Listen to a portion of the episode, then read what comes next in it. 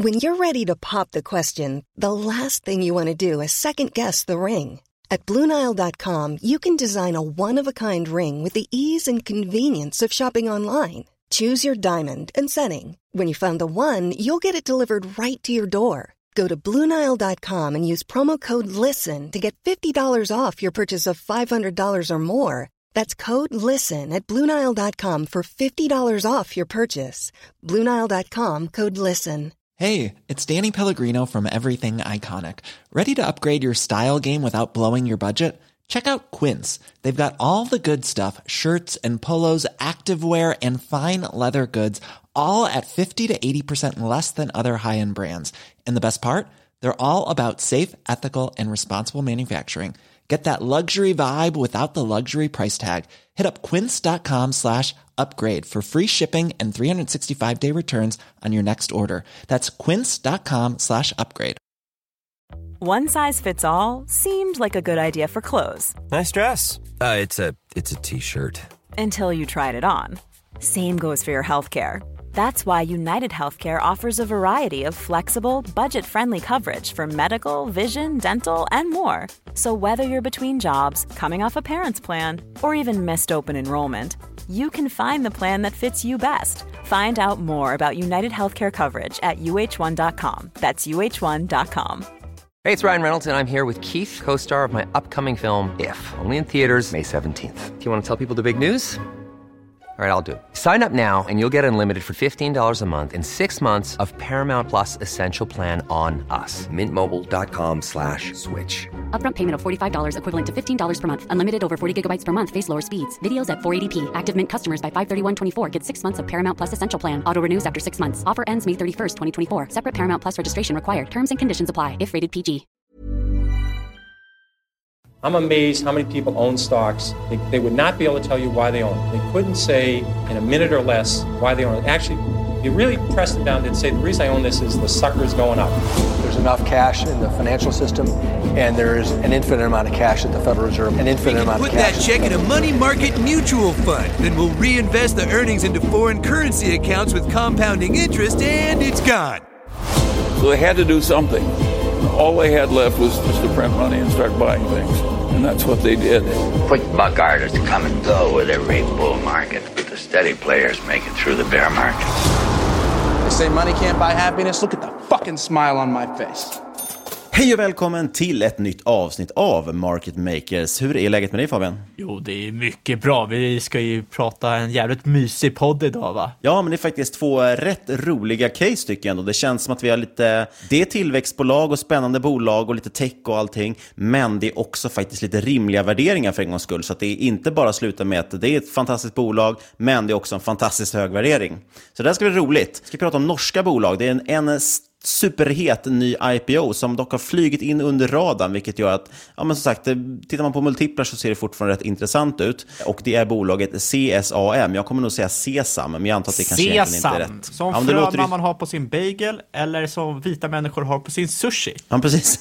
Sesam öppna dig. Eh, nej, men det låter ju lite som, man, som Sesam, men det stavas alltså C-S-A-M, bara så det är tydligt. Det finns ju såklart också med i avsnittsbeskrivningen. Och sen kommer du prata om eh, Necken, den här kondomen som är lite räfflad. Ja, den absolut skönaste. Vad är det man brukar säga? Gives a pleasure. jag vet inte. Eh, nej, det heter Neckar det här bolaget och Neckar det är ju alltså det man gör när man springer naken.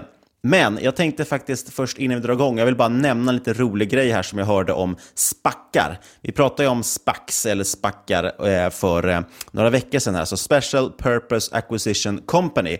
Det vill säga det här att man noterar ett bolag, man går igenom hela noteringsprocessen, sätter ett bolag på börsen fast det inte finns någon verksamhet i bolaget. Sen pumpas det in massa pengar och sen så måste det här då bolaget hitta någonting att förvärva som blir då det här noterade bolaget. Det är en liten omvänd variant på noteringsprocessen. Jag ska inte gå igenom hela det igen.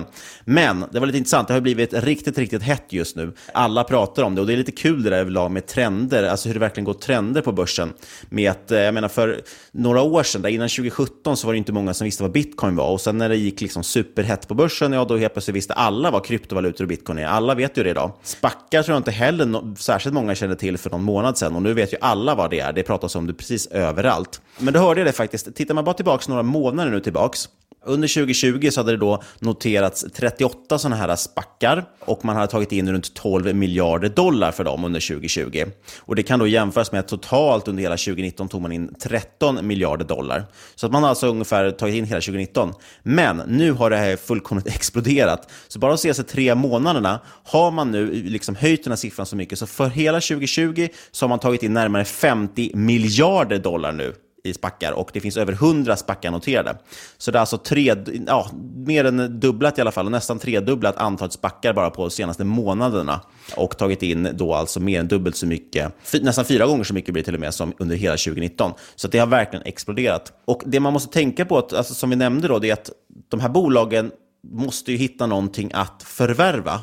Och desto fler som konkurrerar om bolag att förvärva, alltså det finns ju fler spackar som måste leta förvärv, ja men då kommer de ju antagligen ha sämre möjligheter att hitta någonting vettigt, vilket gör att risken är högre. Så att, jag vet inte, det är, det är väldigt speciellt där. Jag, jag, tycker lite att man kan dra en parallell till, det känns ju som när man köpte expansion packs till Pokémon eller hockeykort eller någonting, som det kanske kommer, eller Magic the Gathering om man är på med det.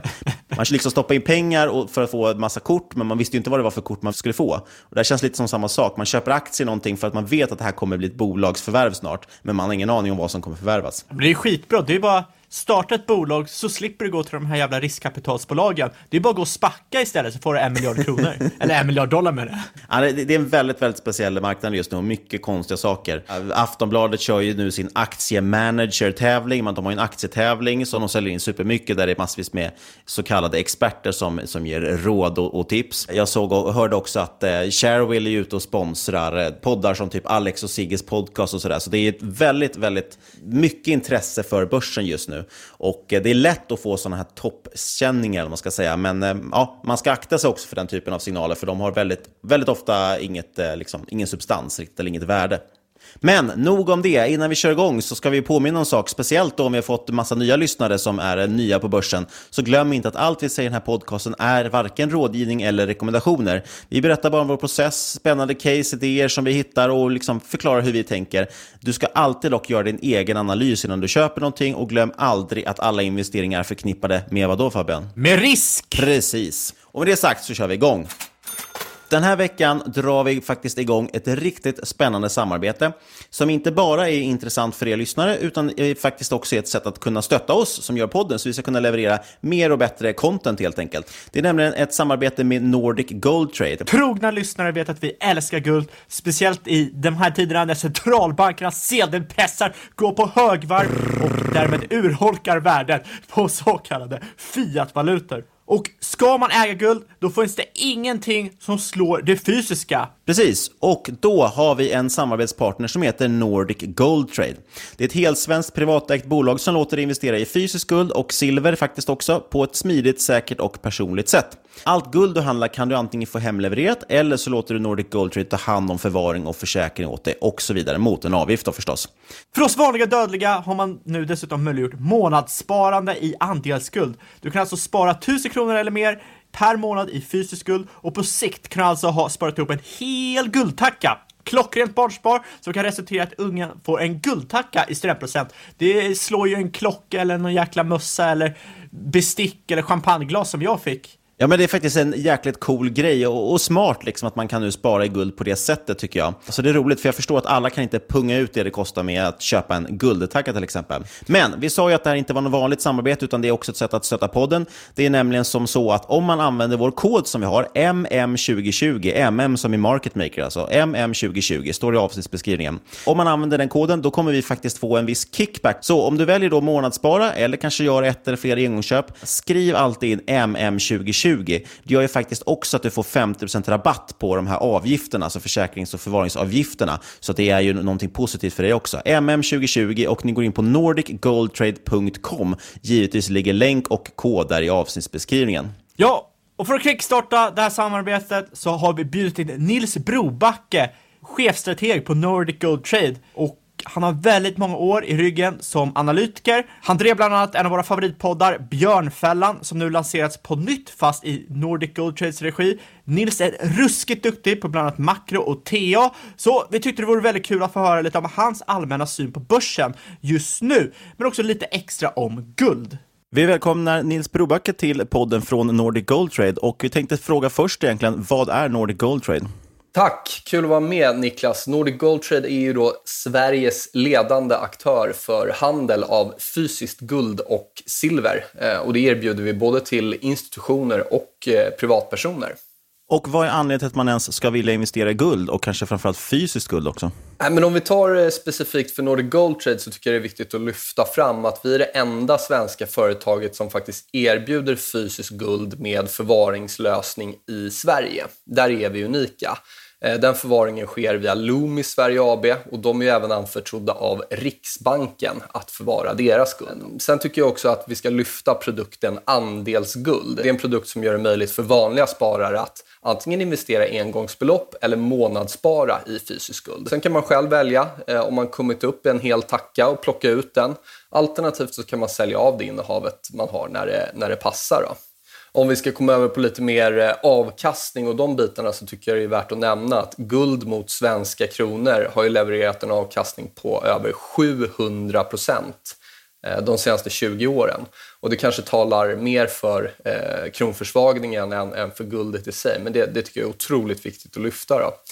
Eh, ska vi hoppa över och jämföra med börsen som många vill göra så om vi tittar sedan 2005 så har ju Eh, guld mot svenska kronor levererat över 500 procent. Och tar vi OMX samma period, och då räknar jag med utdelningar, alltså inklusive utdelningar, så är det upp lite drygt 300 procent.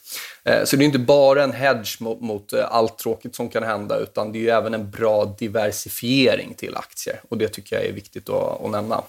Vad finns det framåt nu då som är intressant för guld? Jag tänker den stora frågan just nu är väldigt klart inflation, och, men allmänt, hur ser du på makro, hur ser du på börsen just nu och eh, även guld då förstås? Ja, men absolut. Eh, jag skulle säga så här, när det gäller makro generellt och riskläget, skulle jag säga att samma sak som gjorde mig väldigt orolig i början av februari och varför jag gick ut och varnade tidigt i februari, den tredje, att man skulle passa sig för aktier och till och med kanske blanka om man, om man var riskvillig. Eh, det är samma saker som, som egentligen är det motsatta som gör mig positiv till risktillgångar eh, framgent. Då. Och det har egentligen sett likadant ut eh, sen i början av juni. Eh, vi ser att bredden i uppgången, det är alltså inte bara tech som leder utan vi har många sektorer som tidigare laggat eh, ser bra ut. Vi har liksom industrials, finans, vi har small cap, Russell, vi kan ta OMX här på hemmaplan, vi kan titta på Europa, DAX, Eurostox. Det här är alltså sektorer som har laggat men som ser ut att bryta upp ur långa konsolideringar. Eh, jag köper inte alls det här bubbelsnacket utan det här är ju faktiskt sektorer som har eh, handlat sidledes i flera år. Eh, vi kan gå ut mot ännu mer riskfyllda marknader, typ emerging markets. 12 års sidledeshandel som nu är på väg att bryta upp. Frontier Markets handlar starkt. Eh, Nikkei, japanska börsen. Eh, vi testar alltså nu nivåer som vi inte har sett på 30 år. Alltså eh, liksom effekten av att, att till exempel Nikkei bryter upp liksom över en, ur en 30 års sidledshandel, det går inte att underskatta för aktiemarknaden. Så att vi ser många, många sektorer som är på väg att bryta ur en riktigt liksom, tråkig sidledeshandel. Hoppar vi på räntor, långa räntor ser ut att ha satt en botten, både när jag kollar på amerikanska tioåringen, även tyska tioåringen. Och gentemot vad många tror då, så är ju uppåtgående ränta, alltså när räntan trendar upp, är positivt för aktiemarknaden. Vi kan ta lite mer riskfyllda räntepapper. High yield testar högsta nivåerna eh, sen februaritoppen. Eh, LQD, alltså investment grade, eh, som är lite säkrare, den har redan brutit över februaritoppen. Eh, volatilitet fortsätter handlas ner, VIX alltså. Eh, och till och med faktiskt eh, olja ser ut att ha bottnat ur. Koppar är också på väg att bryta upp. Så jag tycker vi ser de här globala datapunkterna världen över indikera fortsatt risk-on. Och jag köper inte bubbelresonemanget, absolut inte. Ja, och oljan där som du säger, skulle den börja liksom stiga uppåt igen, då kommer vi få ett upptryck i inflationsmåttet i alla fall. Och vad är det positivt för? Eh, bland annat för guld, ska vi säga. Och jag tycker det man måste lä lägga till också är ju det här med penningmängden. Det finns ju olika sätt att mäta eh, inflation, men den tror jag att det är eh, det kanske viktigaste att hålla koll på. Och tittar vi på en graf hur, liksom, hur efter de här finansstimulanserna i våras så har ju det där tagit av totalt. Eh, ska man, ska man jämföra med penningmängd och ökningen där, då, då pratar vi liksom Eh, en rejäl uppgång i guldet från nuvarande nivåer. Och rent tekniskt så ser det bra ut igen. Vi har fått en liten paus om jag kollar på liksom, eh, guldspotpriset eller kollar på GDX, Gold Miners, till och med silver. Men nu börjar det där komma tillbaka och mitt bett är att vi, vi bryter upp härifrån. Så rent fundamentalt är liksom gulden no-brainer och även tekniskt så ser det ut som att rekylen är, är över och vi ska upp mot nya högsta. Vi säger alltså stort tack till Nils och Nordic Gold Trade. Kanske är så att Nils får komma tillbaka till podden här om folk tycker det här är intressant och får en liten update om hur han ser på börsen just nu. Men sagt, besök nordicgoldtrade.com, länk i avsnittsbeskrivningen, använd koden MM2020 för att dels få då 50% rabatt på förvarings och försäkringsavgifterna första året, men också för att öronmärka då en del av, av avgiften till market makers. Och därmed stöttar ni podden samtidigt som ni har möjlighet att investera i fysisk guld. Jag tycker det här är ett superspännande samarbete och vi säger stort tack till Nordic Gold Trade. Fabian, ska du eller jag börja med att klä av oss så vi näckar? Alltså jag har ju redan börjat så jag kan ju börja ta näckar så kan du hoppa in sen med lite sesam och smörja in. och ni som eh, lyssnar på det här ska vara glada att vi inte har en YouTube-kanal då, för då hade ni behövt se vad jag ser just nu. Ja, en väldigt vacker man i sina bästa år. men, nej, men det är ju skitkul att vi ska snacka norskt idag. Jag brukar ju vara rätt aktiv på den norska börsen för typ fem år sedan. Jag kommer ihåg Atea, Datarespons, eh, tror de blev uppköpta, ingen aning, jag har inte koll på någon av de bolagen eh, nu för tiden. Eh, brukar du vara aktiv på norska börsen? Väldigt lite. Jag skulle säga att det är egentligen enda stora som jag har hållit koll på där är Carasent som jag har ägt länge. Eh, eller länge och länge, det beror på hur man ser länge i och för sig. Men det är ett case som jag pratat lite grann om. Och eh, Sesam som vi ska komma in på har ju vissa likheter med eh, just Carasent faktiskt. Men annars, nej, det är 24-7 har vi haft. Det är ju noterat i Sverige men är ju ett norskt bolag i grunden. Ja, sen kanske man inte ska glömma Arctic Science Technologies som är typ, det enda medtechbolaget jag följer. Får jag, får jag svara om på frågan? eh, ja, jag har koll på det, för jag har Arctic Science är ett av mina största innehav också. jag bara glömde den lilla detaljen. Men i alla fall, eh, vi ska prata näckar. Vi har liksom, vi skrev in det här i agendan för typ en månad sedan och sedan dess har bolaget sprungit iväg upp typ 40% på en månad, upp cirka 190% i år. Eh, jag, jag Kul, det inte... känns som alla våra tillväxtbolag vi tar upp, de har bara sprungit iväg. Man väntar några dagar med att prata om det och sen så har det dragit 100% eller något. Så, ja men så är det absolut. Men jag, jag kan inte ta credden för att ha hittat det här skopet. Hittade caset via Alexander Eliasson på Twitter. En gedigen man med bra analyser, så om ni behöver någon att följa kan ni följa honom. Och det finns, efter det har jag bara sett hur många som helst som har skrivit om, inte hur många som helst, men några som har skrivit om bolaget eh, gjort bra analyser. Men du, vad är Neckar för bolag egentligen då? Jag hoppas det är någonting med cleantech, för jag vill inte att du kommer med något norskt oljebolag nu. Jo, det är... Hade man frågat för lite tag sen så hade det varit exakt det de höll på, uh, hållit på med. Det är ju ett norskt industri slash investmentbolag, eh, fokuserar på digitalisering och elektrifiering inom offshore-industrin. Och de har två avdelningar, de har Syncrolift som håller på med båtkranar, eller skeppskranar, och de har Intellilift som är ett SAS-bolag. Och sen har de lite... Hörde jag SAS? Ja, du hörde SAS! Det är ju det som är intressant. Ja. Utan SAS kan man ju inte prata om... Då är det bara att köpa. Jag, vänta, jag ska bara köpa lite aktier.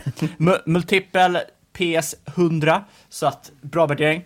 Nej, jag skämtar bara. Vi ska gå in på värderingen senare och det är ett väldigt vettigt värderat bolag. Sen har de ett Loonshot-avdelning eh, som heter Starfish, som vi också ska gå in på, som är lite mer av en liksom lite mad scientist-avdelning. Eh, Bolaget har tidigare haft liksom marina offshore-verksamhet, men har sålt av den här delen av verksamheten. De satsar helt på hållbara och digitala lösningar för offshore och renewables nu. Men vi kan väl börja med att gå igenom de olika benen och kanske börja med Syncrolift då? Jajamensan. Så Syncrolift, de levererar båtkranar och eh, liftar till skeppsvarv eh, världen runt. De är marknadsledare eh, cirka 75% av marknaden och de växer sin marknadsandel inom båtkranar och eh, Syncrolift utgör typ 90% av Neckars intäkter, så det är deras bread and butter.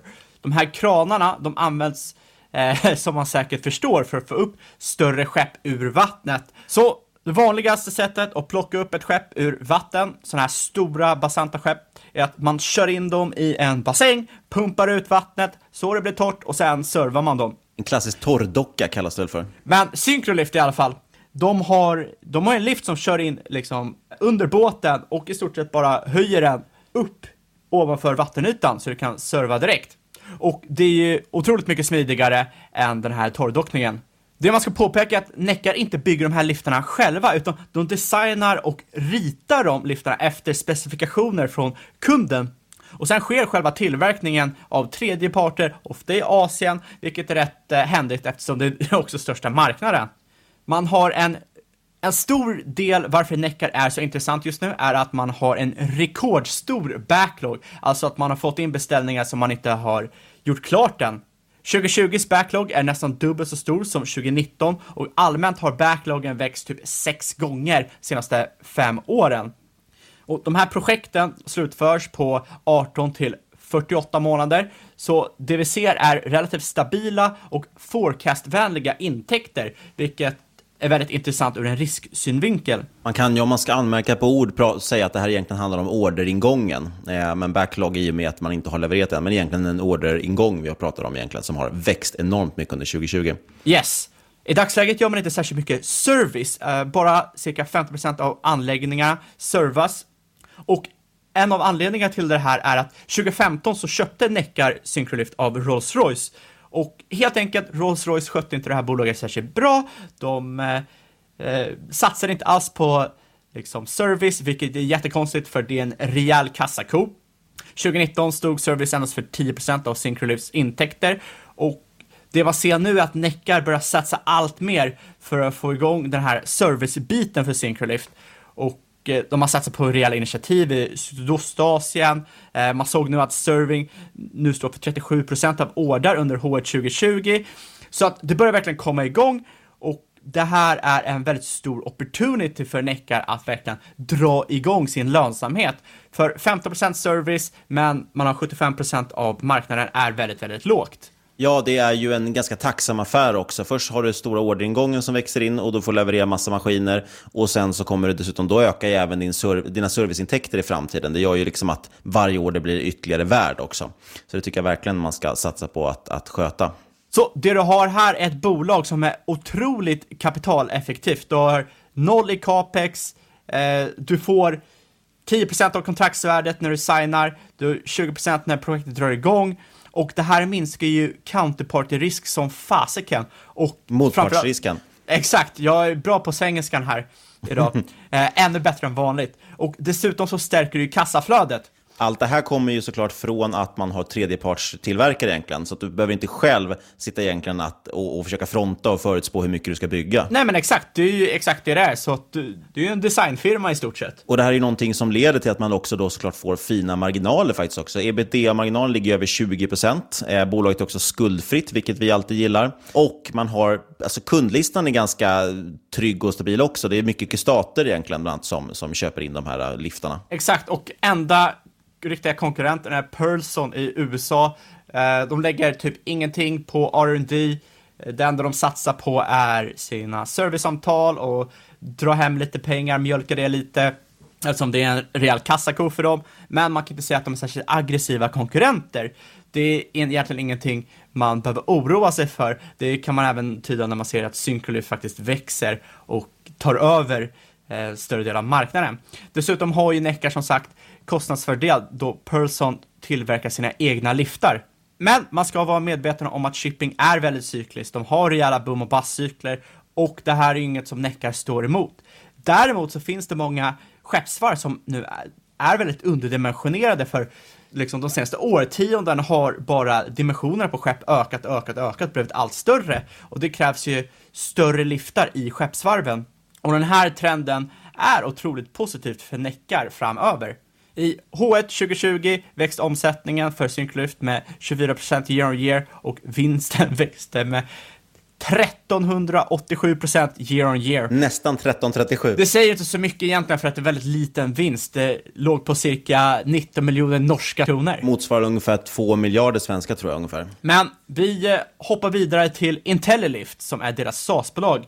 Ja, Neckars teknologiavdelning helt enkelt, mjukvara för offshore-verksamhet, utgör cirka 10% av bolaget, så att det är en liten del av bolaget just nu. Men det växer otroligt snabbt, växande marginaler, Och det här är alltså en mjukvaruplattform för informationsflöden, integration, eh, overview av olika system för offshore och andra industrier. Och tanken är en lösning som ska ge bättre kontroll och renare lösning. Eh, enligt Neckar är det här framtiden för till exempel drilling. Ja, det här är alltså en mjukvaruplattform för liksom, informationsflöden, integration, eh, system för offshore och andra industrier. Helt enkelt en lösning som ska ge bättre kontroll, ge en bättre lösning för, eh, ja, framförallt drilling som Neckar är fortfarande inne i. De vill ju helt enkelt skapa en renare och bättre förutsättningar för typ marina offshore-verksamheter. Men den har också otroliga synergier med till exempel Syncrolifts. Och det finns en väldigt stor uppsida i det här SASen med tanke på att de är, redan är marknadsledare, de är ute i offshore. Och de har framförallt en väldigt trygg kundlista. De har eh, Aker BP, de har Örsta. Som sagt, bolaget är väldigt ungt, grundades 2017. Eh, 2019 så köpte Neckar 51% av Neckars storägare. Och det var inte något eh, fishy med det, att eh, Neckars storägare sa ah, köp den här, jag vill bli av med den här. Utan han såg helt enkelt synergier som eh, Neckar skulle kunna vinna på i längden. Och som sagt, växer otroligt bra. H1 2020 som ökar omsättningen eh, med 50% year on year. Det är inte så mycket egentligen, det är 9 miljoner NOK och eh, ebitda var upp 900% year on year, inte så mycket när det är, handlar om 2 miljoner norska kronor. Men det ger ändå en bild av vad som händer i det här bolaget, växer otroligt snabbt det man kan säga om Intellilift som är egentligen intressanta, vissa delar förstås svåra att verifiera eftersom varken du eller jag har jobbat på någon oljerigg. Eh, men enligt bolaget själva så är det ju en ganska odigitaliserad bransch. Och det är väldigt mycket det Intellilift egentligen handlar om, att, att digitalisera många av de här stegen. Och det ger ju då som, som alltid kostnadsfördelar, bättre prestanda och så vidare för de här oljeriggarna. Så det är ju liksom en, en väldigt bra grej. Och mer och mer automatiseras ju också och robotiseras på de här oljeriggarna, vilket också är någonting som då integreras snyggt i Intellilift och gör att man helt enkelt kan använda de här grejerna eh, lite bättre. Och som vanligt, och det, och det nämnde du just med marginaler och så som är intressant i SAS och, och, hela tillväxtbiten och så vidare. Men man har dessutom, kan vi nämna, att eh, sen, sen starten 2016 för Intellilift så har det alltid varit liksom en, en stabil egentligen, eh, omsättningstillväxt också i bolaget. Så det, det, är en riktigt, riktigt spännande produkt som verkligen är det som såklart lockar lite extra med eh, Neckar förstås. Inte jo. minst för att det är buzzword som investerare gillar. Nej, men det är jätteintressant faktiskt. De har ju bland annat utvecklat det som heter Phoenix, som är ett system som samlar data från olika källor och eh, slänger ihop det här till en, stort sett en visualisering och eh, monitoringplattform, övervakningsplattform på svenska, eh, som gör att man kan fjärrstyra. Och det är ju liksom otroligt ballt i en sån underdigitaliserad bransch som det här är. Så Intellilift är verkligen kryddan i det här. Det finns en ännu större krydda i deras Starfish-projekt som vi ska komma in på. Men, eh, men generellt så är Intellilift liksom såklart det man går igång på lite extra om man gillar de här SaaS-bolagen. Och det vi gillar där, och det är ju samma sak som när vi kommer in på Sesam senare också, det är just att man verkligen jobbar mot något extremt nischat. Alltså det är väldigt specifikt att bygga de här systemen för oljeriggar. Det är liksom inte ett CRM-system eller någonting som det finns tusen varianter på. Men vi hoppar in till den här riktiga kryddan på kryddan. Ja, det är något som heter Starfish som håller på med något som heter aquaculture, som i stort sett bara är fiskodling. Och det låter ju inte så jäkla ballt. Men man får inte glömma att Norge står för cirka 50% av världens lax. Och det är otroligt svårt att odla lax tydligen. Eh, kan bara odlas på vissa ställen i världen. Du kan liksom till exempel inte odla lax i Bahamas. Eh, de behöver väldigt speciell typ av vatten, typ av temperaturer och så vidare och så vidare. Och dessutom så är det stora problem att för laxindustrin att det finns en stor mängd sjukdomar som kan drabba laxen. Det finns alger som drabbar laxen. Eh, de kan rymma och det här bidrar till en stor kostnad. Och dessutom får man bara odla en viss mängd för att det finns någon jäkla miljönissar som sitter i regeringen som säger att ajabaja, du får bara odla så här mycket lax, sen är det över. Och enda sättet att komma runt det här om du hittar en annan teknologi att odla lax. Och eh, ja, då kommer ju Neckar med Starfish det här är en typ av bur, en halvstängd bur som hjälper till att eh, odla laxen.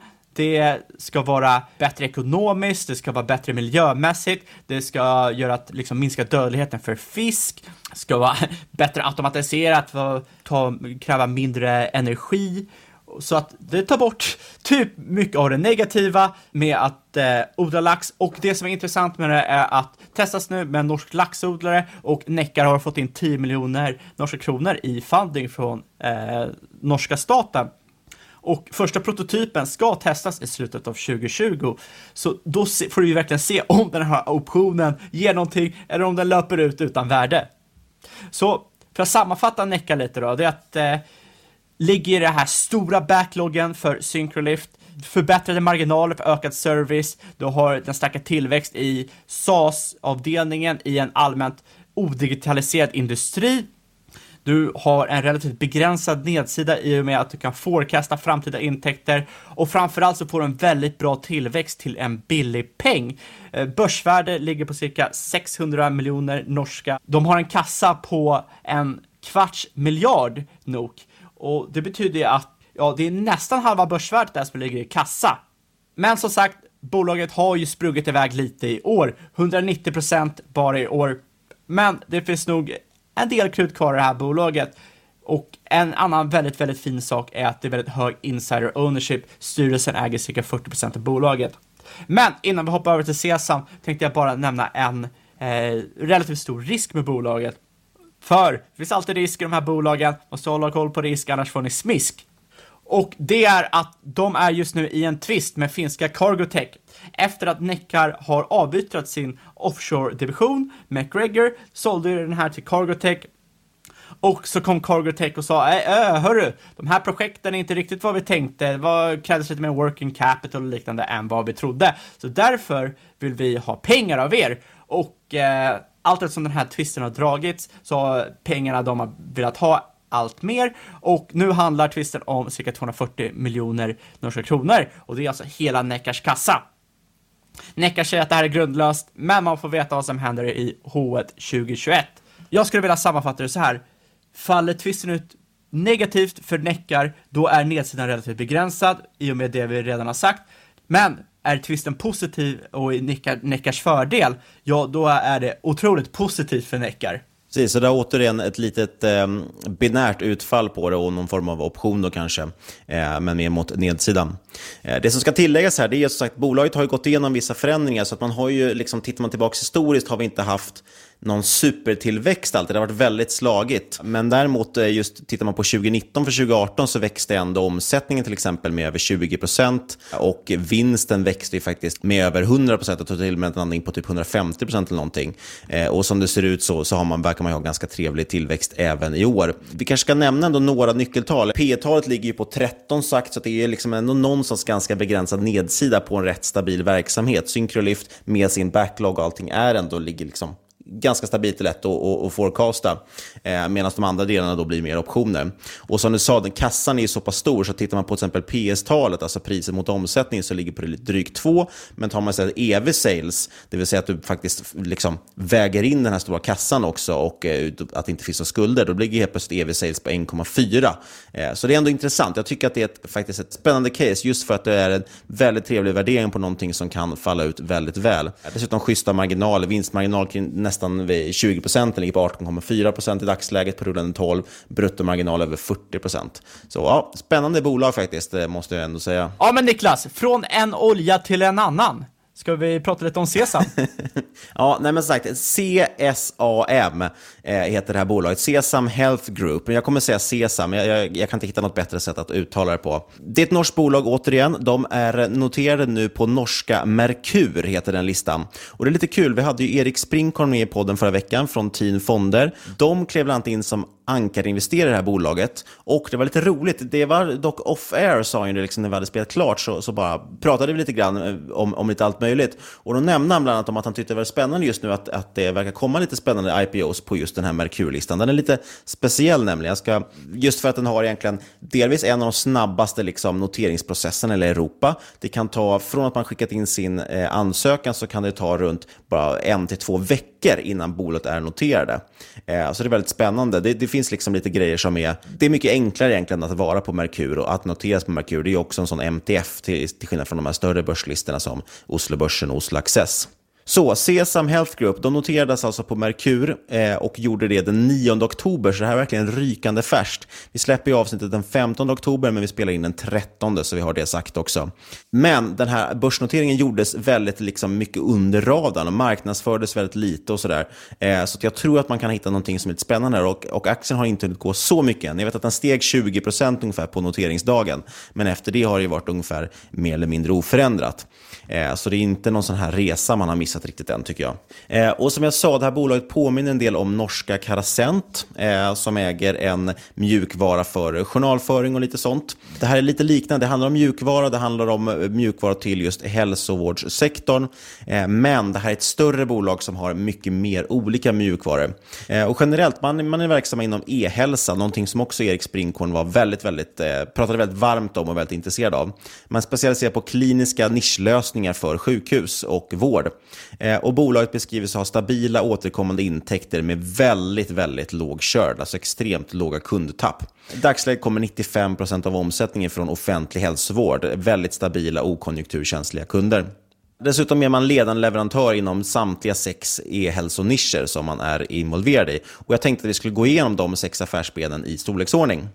Eh, så det första benet man har det är Connected Healthcare, står för ungefär en fjärdedel av bolagets omsättning. Och Det är helt enkelt olika former av säker informationsdelning med hälsovård. Det är känslig data, det räknas som personuppgifter. Med GDPR så blir det extra känsligt liksom, hur ska vi skicka runt datan mellan olika enheter. Och Det gör man då via sin Connected Healthcare. De har ett antal, det är ganska många mjukvaror och man kan gå in på deras hemsida om man nu vill läsa mer om varje enskild mjukvara. Nästa ben, ungefär en femtedel av bolaget, kommer från LIMS, eller Blood Management. Det hanterar ju bloddonationer. Lite roligt, min fru har jobbat bland annat på Blodtappen här i stan, eh, alltså en blodcentral. Eh, och de använder faktiskt just Sesams mjukvara för att hantera eh, bloddonationer. Ah, Så det är... Fin lynchning. Ja, och det, de, är, de är i princip störst liksom i hela, om det var hela Norden tror jag, på, på just blodhantering, eller liksom eh, mjukvara för blodhantering. Som sagt, varje affärsben som jag listar upp är man dominerande i på något sätt. Antingen på en viss enskild marknad eller i hela Norden. Sen har vi nästa ben, ungefär också en femtedel, Women and Children's Health. Det handlar om olika lösningar för gravida kvinnor samt sjukhus och kvinnokliniker som hanterar just graviditeter, förlossningar, barn och så vidare. I Norge registreras samtliga förlossningar som sker i något av Sesams eh, mjukvaror. Det är ganska stort. Det kan man prata om en marknadsdominans. Jag får att man hade ungefär 75-80% i Finland av alla förlossningar. Eh, så man är liksom jättestor inom de här nischade områdena. Nästa ben är emergency and acute, det vill säga olika typer av eh, akutvård. Informationshantering då inom akutvård, eh, det kan vara liksom, ja, GPS-kartor och, och, patientinformation och hur man pratar med varandra och så vidare. Eh, står för ungefär knappt en femtedel av omsättningen. Man är störst bland annat i Sverige på mjukvara för ambulanser med deras Sesam Paratus, heter det. eller Paratus kanske. Sen har man medical imaging, olika typer av bildframtagning, allt från att fånga bilder, spara bilder, dela bilderna säkert och sen kunna arkivera dem. Det är ungefär 15% av bolagets intäkter. Och sen har vi också medication management. Det står bara för 7% av omsättning och det är ganska nischat. Då. Det är mjukvara för att leverera medicin och behandla patienter eh, inom onkologi framförallt. Det är alltså cancerbehandlingar på olika sätt. Så man har egentligen en drös med programvaror och massa olika tjänster då inom de här områdena. Eh, och allting liksom syftar till att digitalisera hälsovård och medicin. Eh, så väldigt, väldigt specialiserad mjukvara. Eh, och man levererar den här mjukvaran. Alltså mjukvaran är ju kopplad till väldigt komplexa arbetsflöden ofta inom sjukvården. De här flödena förändras ju väldigt sällan. Det blir liksom då väldigt, väldigt stora barriers of entry. Det är alltså ganska svårt att slå sig in som konkurrent för att mjukvaran och hur den är uppbyggd med att anpassa liksom efter deras processer, det blir väldigt integrerat i själva arbetet. Eh, så att det finns liksom ingen stor anledning till att vilja byta till något annat system. Eh, och det finns ganska svårt för konkurrenter att ens komma in och liksom börja bygga någon konkurrerande eh, mjukvara. Även om det såklart finns konkurrenter i vissa delar. Men det jag försöker säga är egentligen att man, man har en väldigt, väldigt stark position och den blir bara starkare i och med att man bygger på det här och förbättrar och gör det liksom bättre. Så switching cost är väldigt enorm. Eh, förbättringarna, liksom, om man skulle byta mot någon konkurrent, om det fanns någon som var bättre, blir ju ganska små också eftersom det blir så himla dyrt liksom, att, att lära om sig egentligen. Man har 12 kontor i sex länder, närmare 200 anställda, så det är inget megabolag. Eh, huvudkontoret ligger i Oslo och man har också en tredjedel av verksamheten just i Norge. En tredjedel till hittar man i Sverige och sen det ligger runt 15-20% i Danmark och Finland. Man har lite andra länder, typ UK och sådär, men det är liksom 1%, så det är ingenting man behöver tänka på i dagsläget. Vi pratar om att det är väldigt, väldigt stabila kunder, eh, men frågan är då hur mycket det växer. Det är ju knappast så att eh, hälsa är en tillväxtbransch på det sättet, eller sjukvård på det sättet, även om det är klart att det händer vissa saker där. Men man räknar framåt med att växa ungefär 10% per år organiskt. Det är liksom ingen supermegatillväxt, men det är samtidigt Ingen ganska... SAS-tillväxt där inte. Nej, men det är samtidigt ganska stabilt och eh, framförallt ändå, det blir ändå mycket över tid. Men det som är liksom den stora grejen här, det är ju att man via noga utvalda förvärv ska kunna växa ännu snabbare än 10% per år. Så det är egentligen ett, ett kombinerat case. Att delvis har man en stabil, trygg, konjunkturokänslig verksamhet som tak, liksom taktar på 10% per år ungefär tillväxt. Men man har också eh, just förvärv då, som ska addera ytterligare tillväxt. Och man säger själv att man är väldigt duktiga på strategiska förvärv. Det är ju svårt att utvärdera, men de har ju haft ett väldigt bra track record hittills i alla fall. Eh, och de här förvärven kan göras för runt en till en och en halv gånger omsättningen. Så där pratar vi också om ett multipelarbitrage med tanke på att bolaget handlas betydligt över det som vi ska komma in på senare. Och förhoppningsvis kanske man till och med kan få en, en uppvärdering på bolaget och då blir det ju ännu större multipelarbitrage. Det som är riktigt intressant är att man säger att utsikterna för den här typen av förvärv är liksom i princip oförändrat framåt. Och de har, det har heller inte förändrats de senaste tio åren. Så även liksom förvärvsmarknaden tycker man är väldigt stabil. Och anledningen till att man kan hitta de här förvärven och göra det till ett bra pris, eh, det är egentligen lite samma grej som Embrace, att man är en preferred buyer helt enkelt. Alltså folk gillar eller trivs med att kunna sälja till Sesam. Det kan ju finnas olika anledningar till det, men man är en preferred buyer och säger man i den nisch och storleksordning som man handlar bolag i. Man gav ut i september en obligation också på 300 miljoner norska kronor, så att har fått bra tillgång på kapital. Och det ska man kunna använda då till ytterligare förvärv. Tittar man lite på tidigare nyhetsflöde och så, där, så, så är det inte heller någon överdriven förvärvstakt, utan det är ganska lagom. Man, man, det handlar om ett eller max två förvärv per år i dagsläget, vilket jag i alla fall tycker känns sagt rätt lagom.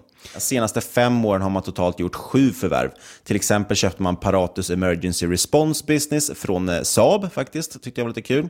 Det gjorde man 2018 och man gjorde nu två förvärv under 2019. Jag kan tänka mig att med tid så kommer kanske förvärvstäkten öka något, beroende på förstås hur mycket det finns att köpa, men också för att det hela tiden blir mindre procentuell förändring då förstås.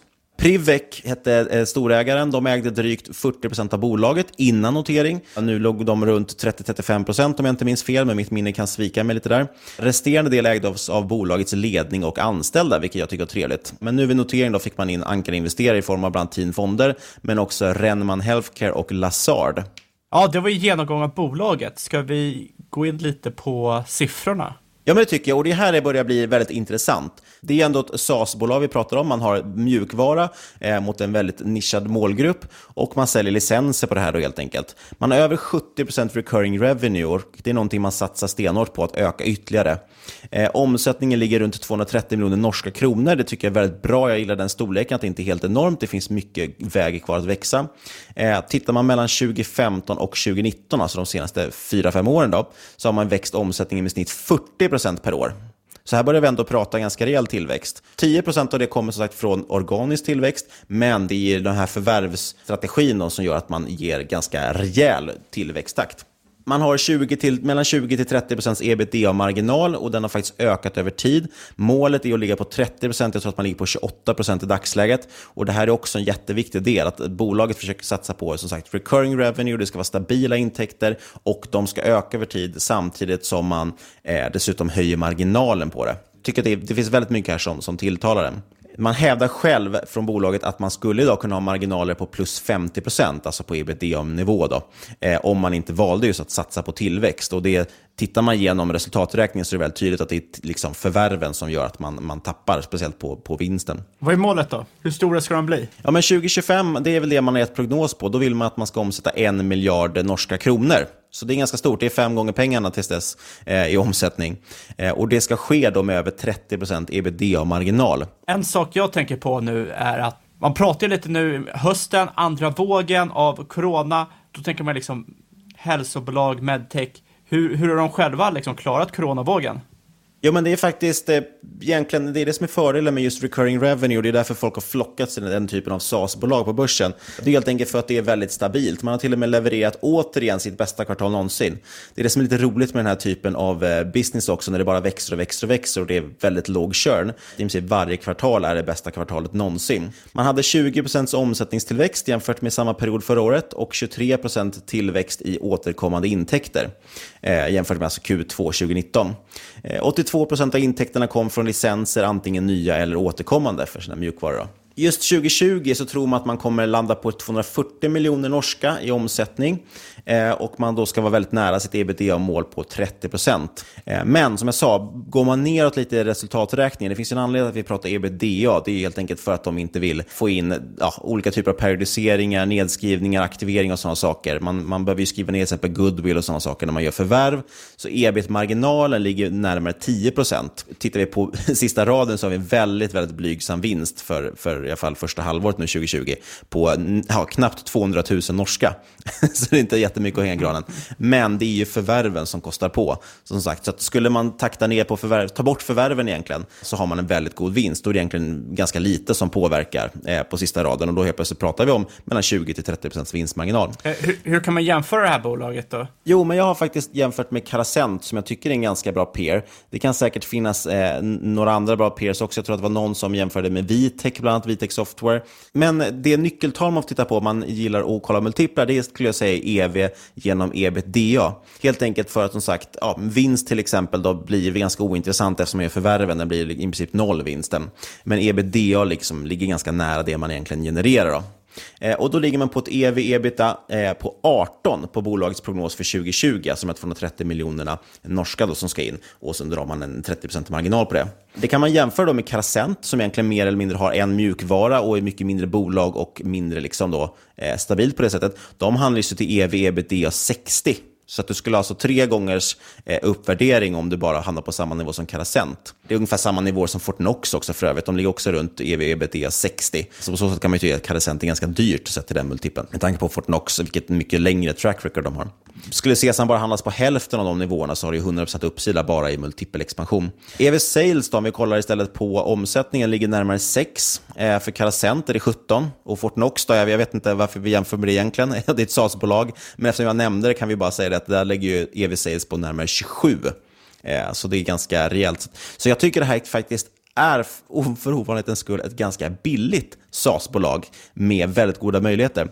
Och det som är schysst där tycker jag, det som verkligen samverkar, det kan ju vara så, alltså det man ska tänka på det är ju liksom förvärvsdelen som är intressant. Men där måste man fundera på hur det ska finansieras. Men det som är kul är att man har väldigt stabila kassaflöden och det är de kassaflöden man använder till förvärv. Och visst, det finns chans att man kanske behöver trycka aktier i framtiden, men jag tror inte att det är jättestor risk för det. Utan man har ju ändå de här stabila kassaflödena som kommer in. De kan man köpa nya bolag för helt enkelt och växa vidare. Jag gillar också att det är en eh, som sagt, det är prenumerationsintäkter, alltså återkommande intäkter med väldigt goda marginaler och det är stabila och konjunkturokänsliga kunder. Det är bara som sagt, titta på nu under corona som har haft sitt bästa kvartal någonsin. Eh, för att det, det är liksom verksamheten, de måste ju fortsätta betala sina licenser. Och på det så får vi en ganska trevlig värdering ändå för att det är en, ja, en ny IPO men också framförallt hyfsat okänd. Den skedde på norska marknaden på den här Merkur-listan som är väldigt liten eh, och har skett med väldigt lite marknadsföring. Jag skulle säga att enda egentligen större risken som jag ser i alla fall, eftersom man ändå diversifierad har mycket mjukvara och sådär, så att det, det liksom finns många ben man står på, så tycker jag egentligen den stora risken man kan prata om, det är väl framförallt kanske att eh, man då behöver sagt, göra nyemission för att man vill kunna finansiera ytterligare förvärv. Men jag hoppas och tror kanske att man eh, kan nyttja istället kassaflödena, att de ska räcka. Eh, och man kanske då även kanske, ja, kan nyttja obligationsmarknaden framåt vill ge också en liten shoutout, precis som du nämnde Alex Eliasson här tidigare, så vill jag nämna Dividend Blower på Twitter, som delvis är en av de absolut duktigaste investerare jag har hittat på hela Twitter, men han gjorde också en liten write-up på deras eh, presentationer som gjorde att jag hittade till det här bolaget från första början. Ja, nej, det är ett högintressant case. Eh, problemet med medtech är att man, och, och med liksom oljeliftar eller skeppsvarv och liftar och grejer, det är att man, man har egentligen ingen riktig insyn där som man kanske har inom tech eller konsumentprodukter. Nej, och där tycker jag faktiskt man ska, det man ska ta med sig där som jag, och det som gör att jag gillar det här caset väldigt mycket, det är ju det som jag varit inne på förut i tidigare poddar, att man får ju någonstans använda track record och historiken som sin, eh, som sin guide här egentligen. Tittar man på ett bolag som Fortnox, jag tror faktiskt helt ärligt att det inte är så många som förstår bokföring eh, som ändå liksom, liksom gillar Fortnox som aktie. Och det är helt enkelt för att man kan ju bara titta på historiken. Vad har de levererat historiskt? Verkar det liksom vara stabila människor som driver bolaget? Verkar de ha goda tillväxtutsikter framåt? Ja, det tycker jag faktiskt är någonting man ändå ska nyttja. Ja, men man kan ju förstå marknaden för bokföring. Ja, och man förstår ändå marknaden för vård och, och medicin också hyfsat. Ja, fast jag, ja, det är väl sant i och för sig när det kommer till SaaS-bolag. Det är ju lättare förstås att förstå att alla, alla bolag behöver bokföring. Och jag håller med dig i den mån att i medtech så skulle man inte förstå om det är ett bolag som kanske utvecklar någon svår teknologi, eller vi kan ta ett Exime som vi nämnde tidigare. Där är det klart att vi, jag kan liksom inte gå in och jämföra, okay, vad finns det för konkurrenter, vad har de för teknik? Det blir väldigt avancerat. Men i det här fallet handlar det om mjukvara, det är affärssystem egentligen man bygger. Och affärssystem vill jag påstå att man kan, och man kan se ganska tydligt ändå hur det liksom integreras med verksamheterna eh, ute på sjukhus och så vidare. Och därmed får ganska höga moats, för att det, det, det är svårt att slå sig in på olika nischmarknader. Så jag tycker ändå att det är ett intressant case, och med tanke på värderingen som ändå är, med tanke på vad det är för typ av bolag och hur andra sådana bolag värderas, så tycker jag att det är ganska låga multiplar liksom på det här. Eh, så att ändå ett spännande bolag, och jag gillar att man har som sagt flera bolag i sin portfölj och, och är mer diversifierade på så sätt jämfört med till exempel Carasent. Med det sagt så börjar det bli lite karasent. Ja, och vi ska ju som vanligt då vara transparenta och prata om, är det något av de här bolagen vi har pratat om som vi äger aktier i? Och jag skulle säga att det vi har pratat om är ju Neckar, där äger ju både du och jag lite aktier, eller hur? Jajamensan, det är en relativt liten post av samma anledning som vi pratade förut. Det är rätt eh, rejält utanför min comfort zone, men eh, visar sig vara en helt okej affär hittills ändå. Ja, men det är lite samma. Jag har också ganska lite aktier där. Det är ju mer en form av nästan bevakningspost, att man bara ville följa lite grann. Delvis för att jag tycker Alex är en jäkligt duktig eh, krigare, eller på att säga. jäkligt duktig eh, investerare och eh, det känns som att det var ett case som började bubbla lite grann som man ville hänga på. Och jag tycker ändå att det finns lite intressanta grejer i bolaget. Sen nämnde vi Arctic Symes där, det sa jag också att jag äger aktier. Vi nämnde också Carasent, eh, som jag faktiskt har sålt mina aktier i för att köpa Sesam istället. Jag tycker att eh, Sesam är ett otroligt intressant case. Eh, nu finns det ju risk att man låter superhåsad och jag vill verkligen understryka igen, gör alltid din egen analys. Det här är inte någon rådgivning eller rekommendationer. Alla åsikter våra egna eller vår gäst och eventuella sponsor tar inget ansvar för det som sägs i podden. Och vad ska man tänka på Fabian? Ja, man ska tänka på att alla investeringar är förknippade med risk och sker under eget ansvar. Kontakta oss på podcast marketmakers.se om du vill prata eller på Twitter at marketmakerspod. Lämna gärna en recension på iTunes också. Ja, och så vill vi återigen påminna om nordicgoldtrade.com. En svensk fantastisk plattform för att kunna investera i guld, antingen i form av engångsköp eller nu har man då som sagt lanserat andelsguld som man alltså kan månadsspara i guld. Jag tycker faktiskt det är svincoolt att det går fysiskt riktigt guld. Det finns ingenting som slår det. Och ska ni göra det, ja då får ni 50% rabatt på avgiften under första året om ni använder koden MM2020. Men den största anledningen till att använda koden MM2020 är förstås att vi faktiskt får en liten kickback på det. Och då blir vi jätteglada och kan göra ännu bättre podcastavsnitt framåt. Men sist men absolut inte minst, tack för att du har lyssnat kära lyssnare. Vi hörs igen om en vecka.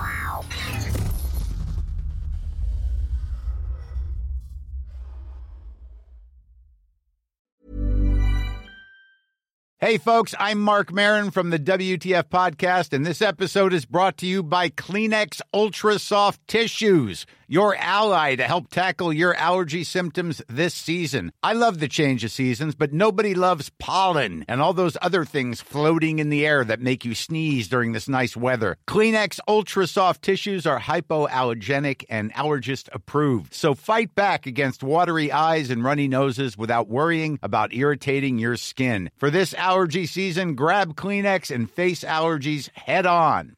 You should celebrate yourself every day, but some days you should celebrate with jewelry. Whether you want to commemorate an unforgettable moment or just bring some added sparkle to your collection, Blue Nile can offer you expert guidance and a wide assortment of jewelry of the highest quality at the best price. Go to BlueNile.com today and experience the ease and convenience of shopping Blue Nile, the original online jeweler since 1999. That's BlueNile.com. BlueNile.com. Ryan Reynolds here from Mint Mobile.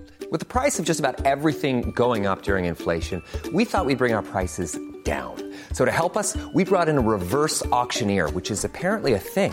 Mint Mobile unlimited premium wireless. Ready to get 30, 30, bit to get 30, bit to get 20, 20, 20, bit to get 20, 20, bit to get 15, 15, 15, 15 just 15 bucks a month. So, Give it a try at mintmobile.com slash switch. $45 upfront for three months plus taxes and fees. Promo rate for new customers for limited time. Unlimited more than 40 gigabytes per month. Slows. Full terms at mintmobile.com. Quality sleep is essential. That's why the Sleep Number Smart Bed is designed for your ever evolving sleep needs. Need a bed that's firmer or softer on either side? helps you sleep at a comfortable temperature? Sleep Number smart beds let you individualize your comfort so you sleep better together. JD Power ranks Sleep Number number 1 in customer satisfaction with mattresses purchased in-store. And now, save 50% on the Sleep Number limited edition smart bed for a limited time. For JD Power 2023 award information, visit jdpower.com/awards. Only at a Sleep Number store or sleepnumber.com. Since 2013, Bombas has donated over 100 million socks, underwear, and t-shirts to those facing homelessness. If we counted those on air, this ad would last over 1,157 days. But if we counted the time it takes to make a donation possible, it would take just a few clicks. Because every time you make a purchase, Bombas donates an item to someone who needs it. Go to bombas.com slash ACAST and use code ACAST for 20% off your first purchase. That's bombas.com slash ACAST, code ACAST.